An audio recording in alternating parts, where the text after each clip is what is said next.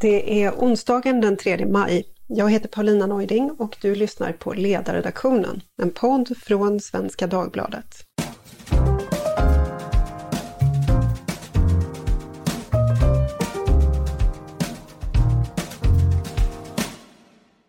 Det lilla landet som ångrade sig är den senaste boken av duon Mustafa Panshiri och Jens Garnman. Det är uppföljaren till boken Det lilla landet som kunde, vilket är en anspelning på den gamla barnboken Det lilla tåget som kunde.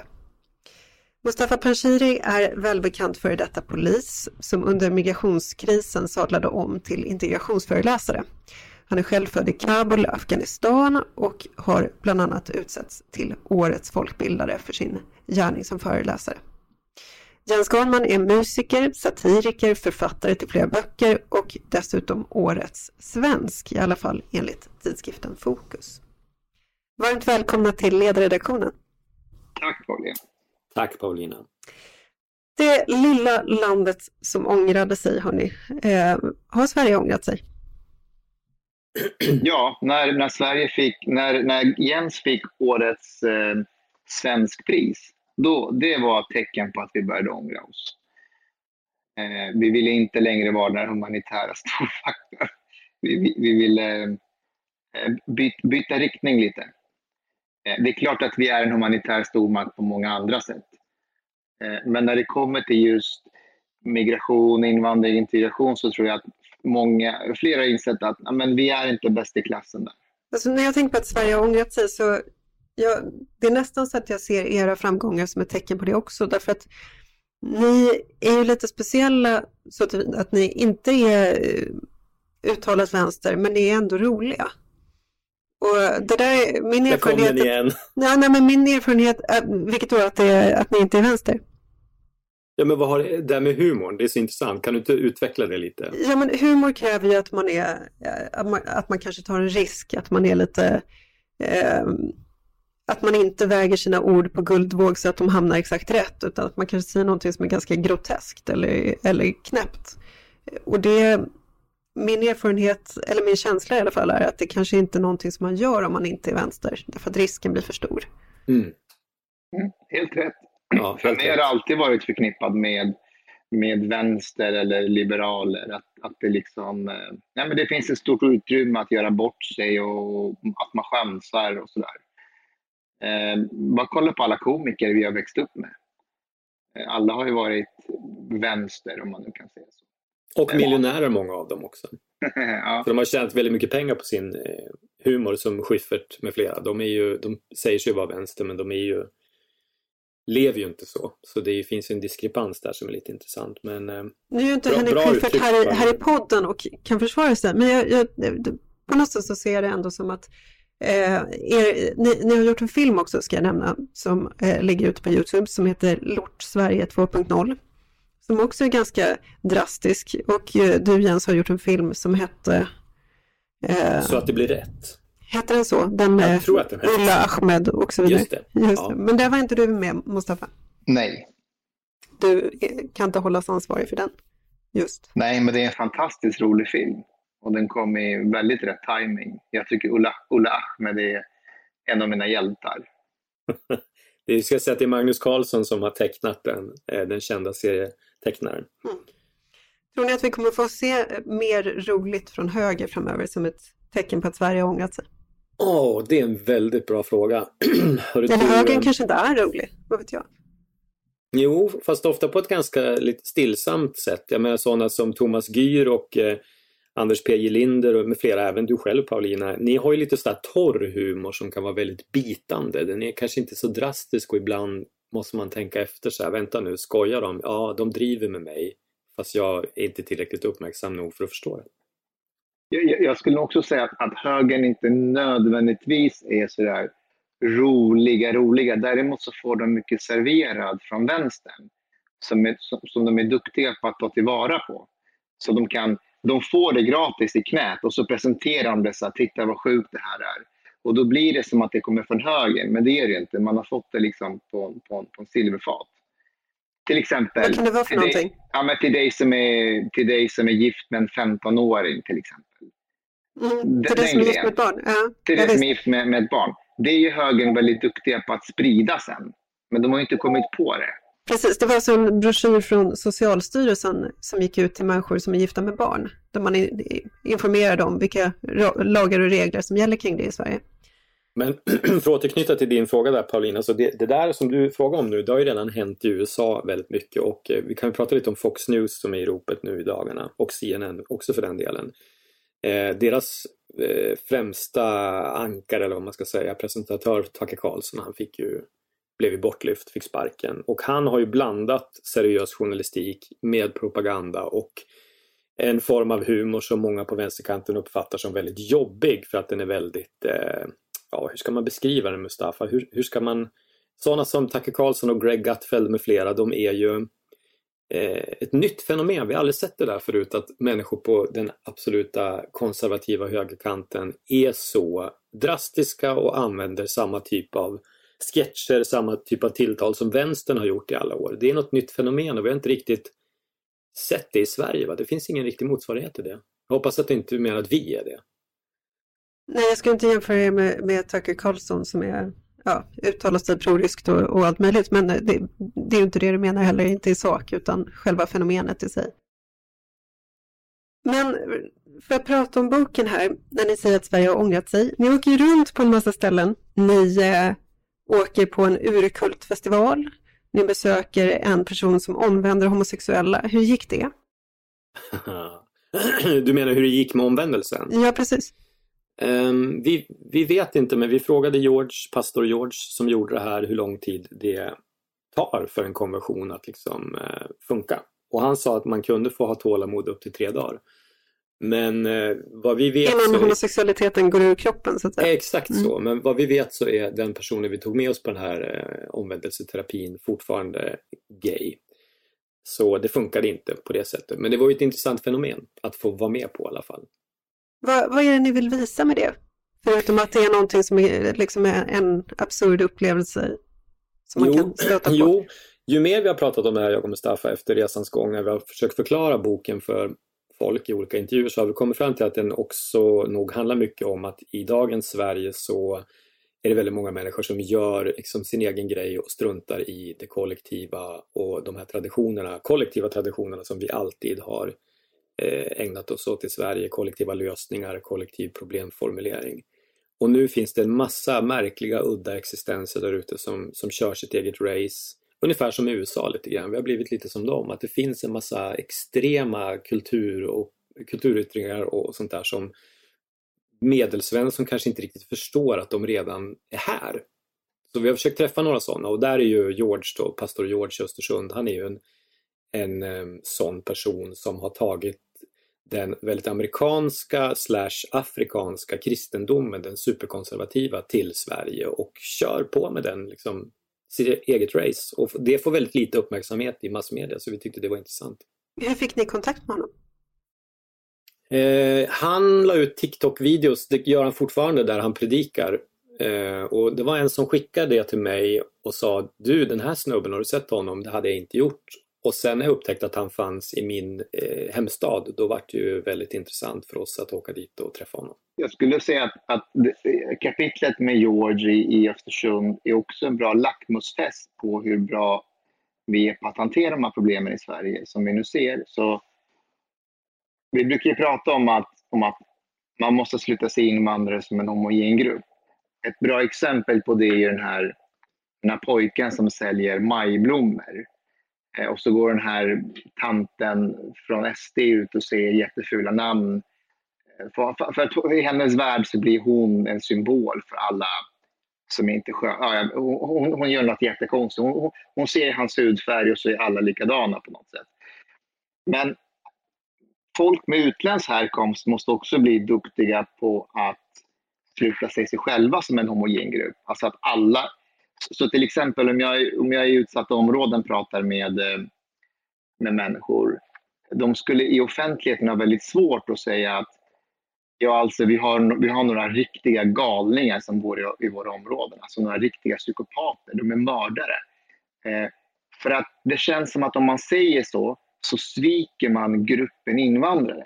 Alltså man ser också de här psykopaterna, mördarna, som en som en del av oss andra med utländsk härkomst. Förstår ni lite vad jag menar? Att det, att det finns mm. någon slags konstig lojalitet gentemot dem. Okej, okay, visst. I, i, en, I, ett rum mellan fyra ögon skulle de absolut säga att de där är riktiga psykopater. Men om någon, en tredje person skulle höra det, då blir det nästan som att nej, nej, nej, vi måste skydda vår grupp. Och jag tror att om vi ska komma åt de här problemen, då, då måste alla sidor se, se, individer mer och mer. Och se skillnaden mellan laglydiga människor och de som inte eh, lyder lagen. Eh, och, för det, det, är det enda sättet, annars är vi fast i våra skyttegravar. Jag, jag, känner igen det där beteendet, precis det du beskrev nu, för jag tror att vi vita etniska svenskar beter oss precis likadant när till exempel SD-människor eller högerkonservativa säger galna saker även om man inte håller med dem överhuvudtaget, även om man inte röstar på partiet, så är det någon reflex i en att man ska liksom ändå försvara dem att ja, men de menar det kanske inte riktigt så. Jag kommer på mig själv att göra det ibland. Och så kan jag tänka, vad fan, varför ska jag försvara de här människorna? Jag, är du, är du säker på det Jens? För att, jag, menar, jag tänker att det är det som skiljer ett individualistiskt samhälle från ett eh, klanbaserat samhälle till exempel. Att man tänker mycket mer i atomer och mycket mer individer och vem gjorde rätt och vem gjorde fel. Och inte omedelbart min grupp har rätt, din grupp har fel, det är vi mot er oavsett vad som har föranlett konflikten. Jag, jag, jag, måste säga att jag är nog beredd att hålla med Paulina där. För att ett av du vet, det här begreppet eh, vita privilegier. Eh, eh, de, vita, det, det privilegiet de har, det är att de inte ser andra vita som sin grupp på grund av deras hudfärg. Det är det vita privilegiet. Medan, medan många med utländsk härkomst har någon slags konstig lojalitet gentemot andra på grund av sin invandrarbakgrund eller sin eller hudfärg. Förstår ni vad jag menar? Jag skulle faktiskt säga att många svenskar har den, den lyxen att här, nej, vi, vi är vita, men vad, fan, vad, vad har det för roll? Däremot kanske vi har andra gemensamma eh, intressen, men inte på grund av att vi är vita. Eller svenskar. Det är möjligt att du har rätt men jag kan ju känna en ref, eh, vad kallas det, reflexmässig skam både när jag hör ibland, ja men som den här estetanten och ser hennes, det hon har skrivit, men också när jag ser till exempel Morgan Johansson och med flera på Twitter hur de håller på. Så kan jag känna så här, ja men alltså, jag får sekundärskam och sen så hejdar man ju inser att nej men jag har inte lojalitet med varken estetanten eller Morgan Johansson, så vad är det som gör att det kryper i mig när jag ser deras, hur de håller på? Mm. Inte för att du är en gammal sosse som, som representanter för, för det svenska samhället, kanske? Ja, snarare det Karolina. Tack för att du räddade mig där. Ni åker runt i den här boken, bland annat då till Finland. Ni åker till Helsingfors mest utsatta getto. Vad, vad stöter ni på där? Ja, vi åkte till Isekeskus där utanför, åtta stationer utanför eh, Helsingfors och det var på tips av polisen för vi frågade dem om vi ska åka till ett, ett utanförskapsområde här i Finland, var ska vi åka? Och så fick vi det tipset. Men när vi kom dit och gick på några invandrarungdomar som jag framförallt fördomsfullt trodde skulle sälja knark till oss. Då fick vi ju eh, historier som, som vi knappt trodde var sanna för de berättade att de dels var stolta över polisen, ville själva bli poliser. De tyckte att, att man fick alla chanser i världen i det finska samhället så misslyckades man, hade man inget att skylla på. Så vi satt ju bara gapade där när vi pratade med dem. Det var, det var en enorm kontrast mot Sverige och så befann vi oss i en kulturell, geografisk, social miljö som såg exakt ut som den svenska.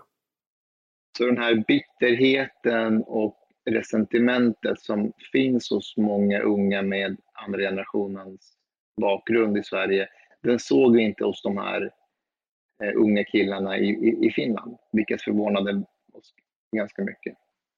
Jag var på en studieresa i Helsingfors en gång och eh, pratade med anställda på en eh, eh asylmottagning som var liksom eldsjälar allihopa. Men de berättade för mig att de sa till de asylsökande att Tänk på en sak, vi finländare tycker att det är jobbigt när folk går i stora grupper. Så försök att gå två och två när ni går ner på stan så, så kommer ni få ett liksom, bättre bemötande. Wow, sa de det alltså? Ja, och, det, och då är återigen det inte rasister, inte någon som vill säga någonting ont, utan eldsjälar som försöker und, liksom, eh, underlätta eh, det här mötet. Eh, genom att säga så här funkar vi, eh, och gör ni det här så kommer det här mötet gå mycket bättre. Så att, och det slog mig som väldigt finskt, eller finländskt. det, där, det är en väldigt bra illustration på hur vi har tacklat frågan och hur de kanske håller på att tackla frågan. Det är att de har ett deskriptiv syn. Alltså de förklarar om hur det är. I Sverige har vi ett normativt syn. I Sverige skulle vi säga nej, nej, nej, gå i grupp. Det är, eh, det är, vi, som, det är vi svenskar som måste förstå att det är normalt att ni går i grupp. Det är vi som måste anpassa oss eh, och, och, och, och respektera ert sätt att vara. Det, det, det, är ett normativt sätt. Och sanningen är att det är inte så i verkligheten. Eh, så, här, så, så, i Sverige försöker vi hela tiden prata om hur vi vill att det ska vara. Eh, medan jag i, i, min förra bok och i min approach när jag är ute och träffar nyanlända, det är så här, så här är det. Sen får man tycka vad man vill om det, men det är lite så här det är. Mm. Ni är ju inte bara i Helsingfors, ni åker också till Marseille. Vad, vad stöter ni på där? Ja, men där låg ju...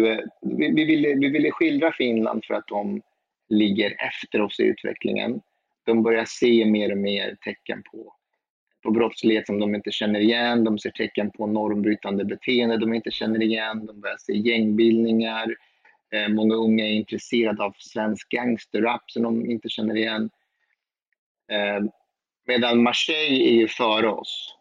De, de har en utveckling som är... Alltså där, har man, där har man områden där, där statsmakten mer eller mindre har backat. Man åker inte in för att ta en fika med, med lokalbefolkningen utan man åker in när det, när det är på allvar. Mm, när det är konfrontation. Ja, så vi ville skildra lite det att är, är det dit vi kanske är på väg. Och hur ser, det, hur ser det ut när man kommer dit? Till det här området? Ja, det, ja, men det ser väl mycket ut som, som en krigszon på många ställen, men det är klart att det finns grader i helvetet. Åker du till Kongo-Kinshasa, till deras slum, så det går inte att jämföra, då är Marseille jättebra. Men den där relativiseringen kanske inte vi riktigt ska hålla på med för att vi Nej, kommer kanske inte hamna... det som är jämförelsepunkten riktigt. Nej, men jag har hört den från folk som, det var faktiskt någon som skrev det till mig att ja men vadå, Marseille, ja det är säkert jättehemskt där men hur är det i and, åk till slummen i Afrika typ. Så att det där mm. att vi hela tiden flyttar eh, målstolparna, det är ju någonting som, faktiskt, nu ska jag dra upp Morgan Johansson igen, han gjorde ju det eh, när han pratade i något sammanhang om när vi började prata om slum i Sverige, det fick vi inte prata om, eller om det var getto kanske. Eh, då sa ju han att prata inte med mig om getton för jag har varit i amerikanska getton och sett hur det ser ut där. Och liksom, jaha okej, okay, ja, men det är inte lika illa som i USA. Och, och så som det såg ut i Marseille med de här nästan bitvis utbombade eh, områdena där det inte fanns något mysigt litet fik att gå på som vi trodde. Eh, det sa ju du någonting bra om Mustafa där att du hade ju läst i något kommentatorsfält där amerikaner kommenterade de här, att de hade haft 33 skjutningar i Marseille förra året med dödlig utgång ja. som var gängrelaterade. Berätta om, om kommentarerna du hittade kring det, för det var jäkligt jo, intressant. På, på, tal om relativiseringar, jag, jag, jag, tror ändå att, att, att, att det här är en viktig poäng. Att eh, Vice News hade varit i Marseille och gjort ett reportage om Marseille eh, och, och skildrat liksom, de här dödsskjutningarna, eh, de här knarkkartellerna som styr där och så vidare. Och så hade de så här, men 33 mord hade de i, i Marseille under ett år. Och då hade kommentarerna från amerikanerna varit så här, 33 mord på, på ett år. Det är ju en helg i Baltimore, eh, i, i Philadelphia Chicago. och Chicago. Mm. Ja. Eh, för att städer som Baltimore har ju uppemot 300 till 350 mord per år. Eh, så, så, det är klart att, att vi är ju inte där. Men någonstans måste vi inse att så sa ju vi i Sverige för många år sedan. Vi sa så här, vi är inte Frankrike. Det går inte så dåligt för, för vår andra generationens invandrare som det går för Frankrikes. Eh, nu är vi, nu är vi i en fas där, jo, men, men det gör det. Och om man tittar på städer som Baltimore, okay, vad, vad är det som gör att det blir än mer misär där? Jo, de har ju också eh, till exempel unga tjejer som får, som får barn utanför äktenskap. Alltså väldigt, väldigt tidig ålder så, så har de ingen som kan hjälpa dem. Alltså, och de är alltså inte sambo då? Får man nej, precis, ja, men därifrån börjar uppförsbacken. Men mm. om du tittar på våra utsatta områden, Alltså, där måste man erkänna att där räddas vi på något konstigt sätt av den här, vad ska man kalla det, religiösa eh, konservatismen. Eh, vi har inga unga flickor i utsatta områden i Sverige som får barn i 15-16 års åldern på ett sätt som de får i USA till exempel. Det går väldigt bra för unga tjejer i utsatta områden. De kan bo i ett hushåll där, där, där, eh, där brodern är med i ett gäng, men hon går på gymnasiet och det går väldigt bra för henne. Så vi kanske ska uppskatta det, men säga så här, det får inte förvärras, för då får vi ett Baltimore, Chicago i framtiden. Men när ni beskriver Marseille då som framtiden, ni kommer dit, ni blir varnade av alla som ni möter från att åka dit. Det liksom rör sig råttor på gatorna. Det är alltså eh, rent ohyggliga scener som möter er där. Hur, hur länge stannar ni där?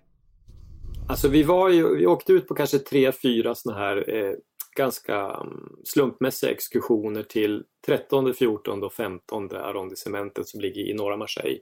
Och precis som du säger så var det ju otroligt smutsigt. Det stod eh, eh, toaletter och badkar på eh, trottoarerna. Det stod bilar framför många hus eh, som man tyckte så här på håll att ja men här, de har i alla fall bil de som bor. Och så gick vi närmare och då var det så här, okej okay, alla bilar är står uppallade på och de har liksom stulit hjulen och navkapslarna och eller de är liksom utbrunna bilvrak. Så att när man kom nära de här eh, miljöerna då såg man liksom den här misären i detalj.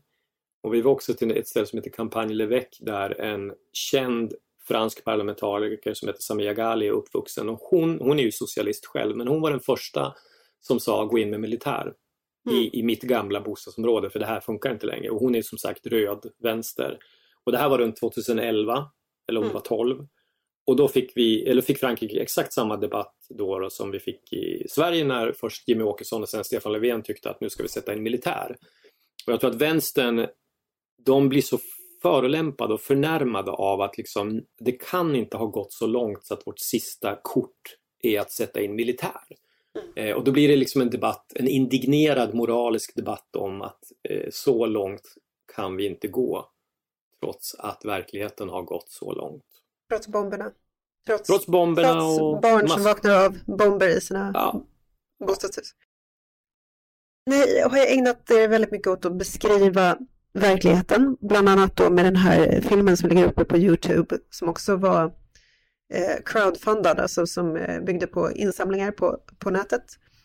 Eh, där ni helt enkelt går runt och beskriver scener, i, eller visar upp scener ur dagens Sverige. Bland annat så är ni i Rinkeby och besöker ett källarförråd. Ja, där det bor människor i de här mm. källarförråden. Ja. Precis, ni hittar skolböcker så att det, det verkar som Avföring. att det är barn. Mm. Avföring, skolböcker, eh, gardiner som någon har satt upp i källarförrådet för att få mörkt på natten.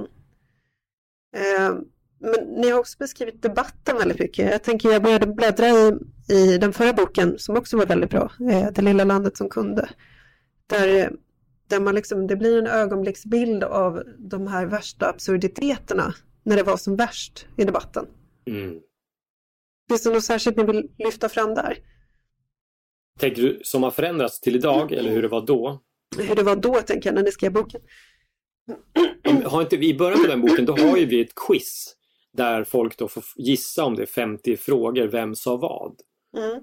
Och Precis. den bläddrade jag igenom för någon månad sedan själv och var så här, vänta nu, jag, för ett ögonblick så tänkte jag så här, var det så att vi hittade på de här uttalandena? Men det var ju inte det, för alla de, jag tror att det är 50 frågor med fyra alternativ på varje och så ska man kryssa för vem som har sagt vad. Men alla de är ju sanna. Så att det har varit så många konstiga uttalanden så att jag kan själv ärligt säga att det är numera ganska få grejer som sticker ut i den floden av vansinnigheter som har varit de sista tio åren. Ett argument som florerade då, som ni tog er an, det var att man blir svensk om man åker tunnelbana i Stockholm. Och då åkte ni till Tokyo och åkte tunnelbana där. Blev ni japaner? Staffan? Eh, nej, vi blev nog mer och mer förvirrade svenskar. Eh, det är klart att den här debatten har varit rätt absurd. Eh, jag, jag, jag ska säga att alltalet så är jag ganska trött på den själv. Och, och det är nog för att jag, jag är inte... Jag, jag, har aldrig varit obekväm med, med om någon skulle säga att jag inte är svensk. För att jag vet att jag inte är svensk svensk. Eh, däremot så skulle jag kanske bli lite ledsen och upprörd om, om någon säger så om mina framtida barn, som jag kanske skulle få med någon etnisk svensk man eller kvinna för den delen. Um, um, så ja, det är väl bra någonstans att, att, att den frågan diskuteras, men jag tror att vi i Sverige har vi, har, vi måste någonstans erkänna att det är mycket svårare för oss att prata om de här frågorna jämfört med dem i USA. I USA kan du bli amerikan ganska fort. Om du kommer dit och eh, accepterar konstitutionen och, och svär vid flaggan, då är du det. Det är inte lika enkelt att bli det i Tyskland och Sverige för att det har varit ett väldigt homogent land och, eh, och det har gått lite för fort med förändringarna. Så jag, jag, jag förstår att det är komplicerat och vi har, inget, vi har inget språk för det heller. Nej, och jag, liksom, vi som står med, med fötterna i fler kulturer, det är inte så att vi inte vet om det. Det är inte så att vi blir sårade när man påpekar det, för vi vet ju det. Eh, och jag tänker, även om du inte då definierar dig som etniskt svensk, så är du en väldigt typisk representant för en svensk poliskår till exempel. För mig är du en väldigt typisk svensk polis. Du, du hoppar inte runt och är aggressiv utan är lugn och trevlig och ganska, väldigt, väldigt typisk för de svenska poliser jag träffat och det är liksom starkt kulturellt betingat. För att bara återknyta till det du frågade om, citat som, som eh, har stuckit ut lite grann. Det kom ett citat för två år sedan som jag faktiskt hade missat som någon skickade till mig igår. Och det var att Anders Ygeman från Socialdemokraterna, han, eller han måste ha gått ut, nej det här kan inte vara för två år sedan, det måste vara ganska nyligen. För han, rubriken i Expressen var Tidöpartierna låter invandringen öka. Ja, så, var, ja, så varnar Ygeman för att det kan, så här står det under, 15 000 färre okvalificerade invandrare, vad fan nu det är, med S vid makten. Eh, en ganska förvirrad eh, artikel och ett förvirrat utspel men jag tolkar det som att Ygeman nu då liksom ska varna folk för att med den nya regeringen så kan det minsann bli mycket fler invandrare. Mm. Och, och den där totala omsvängningen från S framförallt tycker jag har varit den, liksom det galnaste temat i debatten. Att de så oförblommerat har gått från att vara Mitt Europa bygger inga eh, murarpartiet till att liksom flörta så, ja, så uppenbart med sina gamla väljare som har gått till SD. Ja, och det, det, är inte bara Mitt Europa bygger inga murar utan under några år där så man, det var ju omöjligt att framföra uppfattningen att invandringen var för stor. Alltså Sara Skyttedal gjorde, Dahl gjorde det här som, som första toppolitiker och fick stå i Aktuellt samma kväll och, och, och liksom försvara sig att hon inte var rasist. Billström. Mm. Eh, volymer. Ja, man volymer. Fick, mm. Han sa volymer för att han kunde inte komma på något annat ord förmodligen som inte var upprörande. Så han sa volymer och då fick han höra att man får inte prata om människor som volymer. Det är liksom det, det, det är att göra dem till mindre människor. Eh, kommer ihåg Karin Pettersson, då politisk chefredaktör på Aftonbladet, eh, sa i en radiodebatt att hon kunde inte komma på ett enda argument för minskad invandring som inte var rasistiskt. Det där har ju förändrats, kan man ju säga. Rasismen är inte vad den var. Nej, det är den inte. Och när vi skrev den förra boken, 17 där, vi ska också säga det att det här med Tokyo och bli svensk, det var Åsa Romson som sa det från Miljöpartiet, apropå, om jag inte missminner mig, REVA-projektet i svensk tunnelbana när polisen skulle gå runt och, och kolla för folk att de hade uppehållstillstånd. Mm. Jag tror att det var samma med det hon sa, det att nej, när jag kommer ner i tunnelbanan och ser, tittar mig omkring, då, då är alla svenskar liksom per automatik. Mm, Men vår förra bok då som kom 18 tror jag på våren, där redan då sa Mustafa att Jens, om bara några år eller när vi skriver nästa bok, då kommer vi ha slutat prata om begreppet integration. Mm. Det kommer vara ute, för mycket av den boken handlar om integration och hur ska vi göra för att få folk att liksom bli accepterade i det svenska sammanhanget. Eh, och vi fick tyvärr, eller tyvärr vet jag inte, men vi fick rätt. Mustafa fick rätt för att numera så, så känns det som att det är rätt få som pratar om integration. Det har blivit ett, ett, ett nästan eh, man pratar om det i hånfulla termer och även ledande socialdemokrater som han eh, kommunalrådet i eh, Malmö som jag glömt vad han heter nu. Andreas Hans, eh, Schenström. Schenstedt, Schenstedt eller Schenström eller ja. någonting sånt. Han sa ju i den här fokusintervjun för några månader sedan att vi måste från höger till vänster sluta han, han svor också så här, vi måste fan sluta prata om integration, typ att det är något värdelöst. Och, mm. och i förrgår var ju det något jättebra, som alla skulle hålla på med. Just det, det man, man inser Orwells enorma geni när man följer den svenska debatten. Krig i fred. Hörrni, ni har alltså beskrivit eh, verkligheten, ni har beskrivit debatten. Sen så Mustafa, du är ju också väldigt konstruktiv. Du har skrivit en bok som heter Nio råd till Hassan, sju råd till Hassan. Sju råd till Mustafa. Sju råd till Mustafa, förlåt. Det här kommer ju då från ett eh, program som handlade om en Hassan, eller hur? Det är därför ja, jag blandar ihop det. Det är inte okay. för att jag blandar ihop, det är för att jag blandar ihop utländska namn i största allmänhet. Första artikeln hette ju sju råd till, eller fem råd till Hassan som jag skrev för kvartal. Just det. Och sen blev den en bok. Och, eh, vad, vad, fick du mest kritik för? Vilket av de sju råden? Det var det här med eh, lägga till ett namn. Fast det heter inte så. Alla tror att jag vill att man ska byta namn. Man ska byta hela sitt förnamn och efternamn. Eh, nej, men det, det, är just det rådet som har eh, uppfattats som alltför eh, assimilationistisk. Eh, men, men rådet är jätte liksom, enkelt. Att om du har svårt att komma, om, om ditt namn är svåruttalad eller eh, du inte blir kallad till jobbintervju och sådär. Lägg till ett svenskt namn så kanske det underlättar. Mm. Ja, det var väl den som fick mycket stryk. Mm. Byta namnboken kallas den för ibland. Men du har också varit ute och föreläst. Jag vet att du hade som mål att eh, besöka varje svensk kommun och prata med eh, ensamkommande eller personer som sökt asyl som ensamkommande barn. Hur, eh, hur har det gått? Jättebra. Så, så böckerna är nu översatta till Eh, somaliska, arabiska och eh, dari. Så jag delar ut den helt gratis och den finns också på Youtube som ljudbok på de språken. Och det allra roligaste är när, eh, när boken läses av somaliska mammor. Och så har de en bokcirkel. Och när jag får höra deras reaktioner, det är så här, jättebra bok, ingenting konstigt. Det låter jättebra. Ehm, och det, och det är så fint därför att då har ingen då har ingen annan tolkat boken åt dem. Förstår du? Alltså ingen aktivist har på förhand sagt det här är, det här är vad som egentligen menas med de här råden. Eh, utan de går direkt till källan och läser och skapar sin egen uppfattning. Eh, så det, det är jättefint. Har ni böcker, föreläsningar, eh, podden Den sista måltiden där du är med Mustafa som är väldigt populär eh, musik. Var, ser vi er härnäst?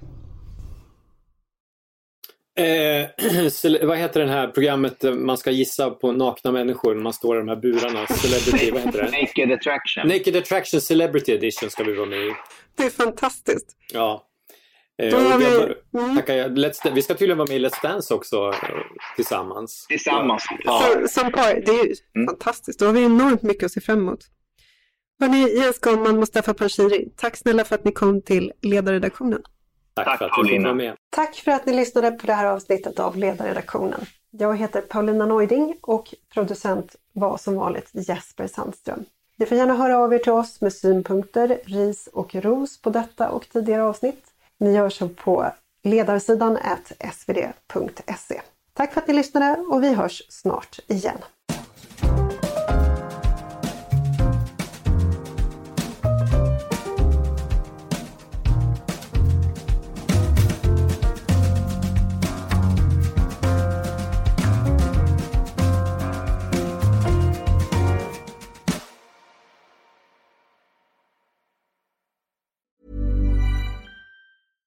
Spring, is that you?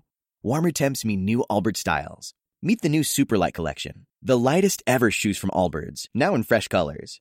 These must have travel shoes have a lighter than air feel and barely there fit that made them the most packable shoes ever. Plus, they're comfy right out of the box. That means more comfort and less baggage. Experience how Allbirds is redefining comfort. Visit allbirds.com and use code SUPER24 for a free pair of socks with a purchase of $48 or more. That's A L L B I R D S dot com, code SUPER24.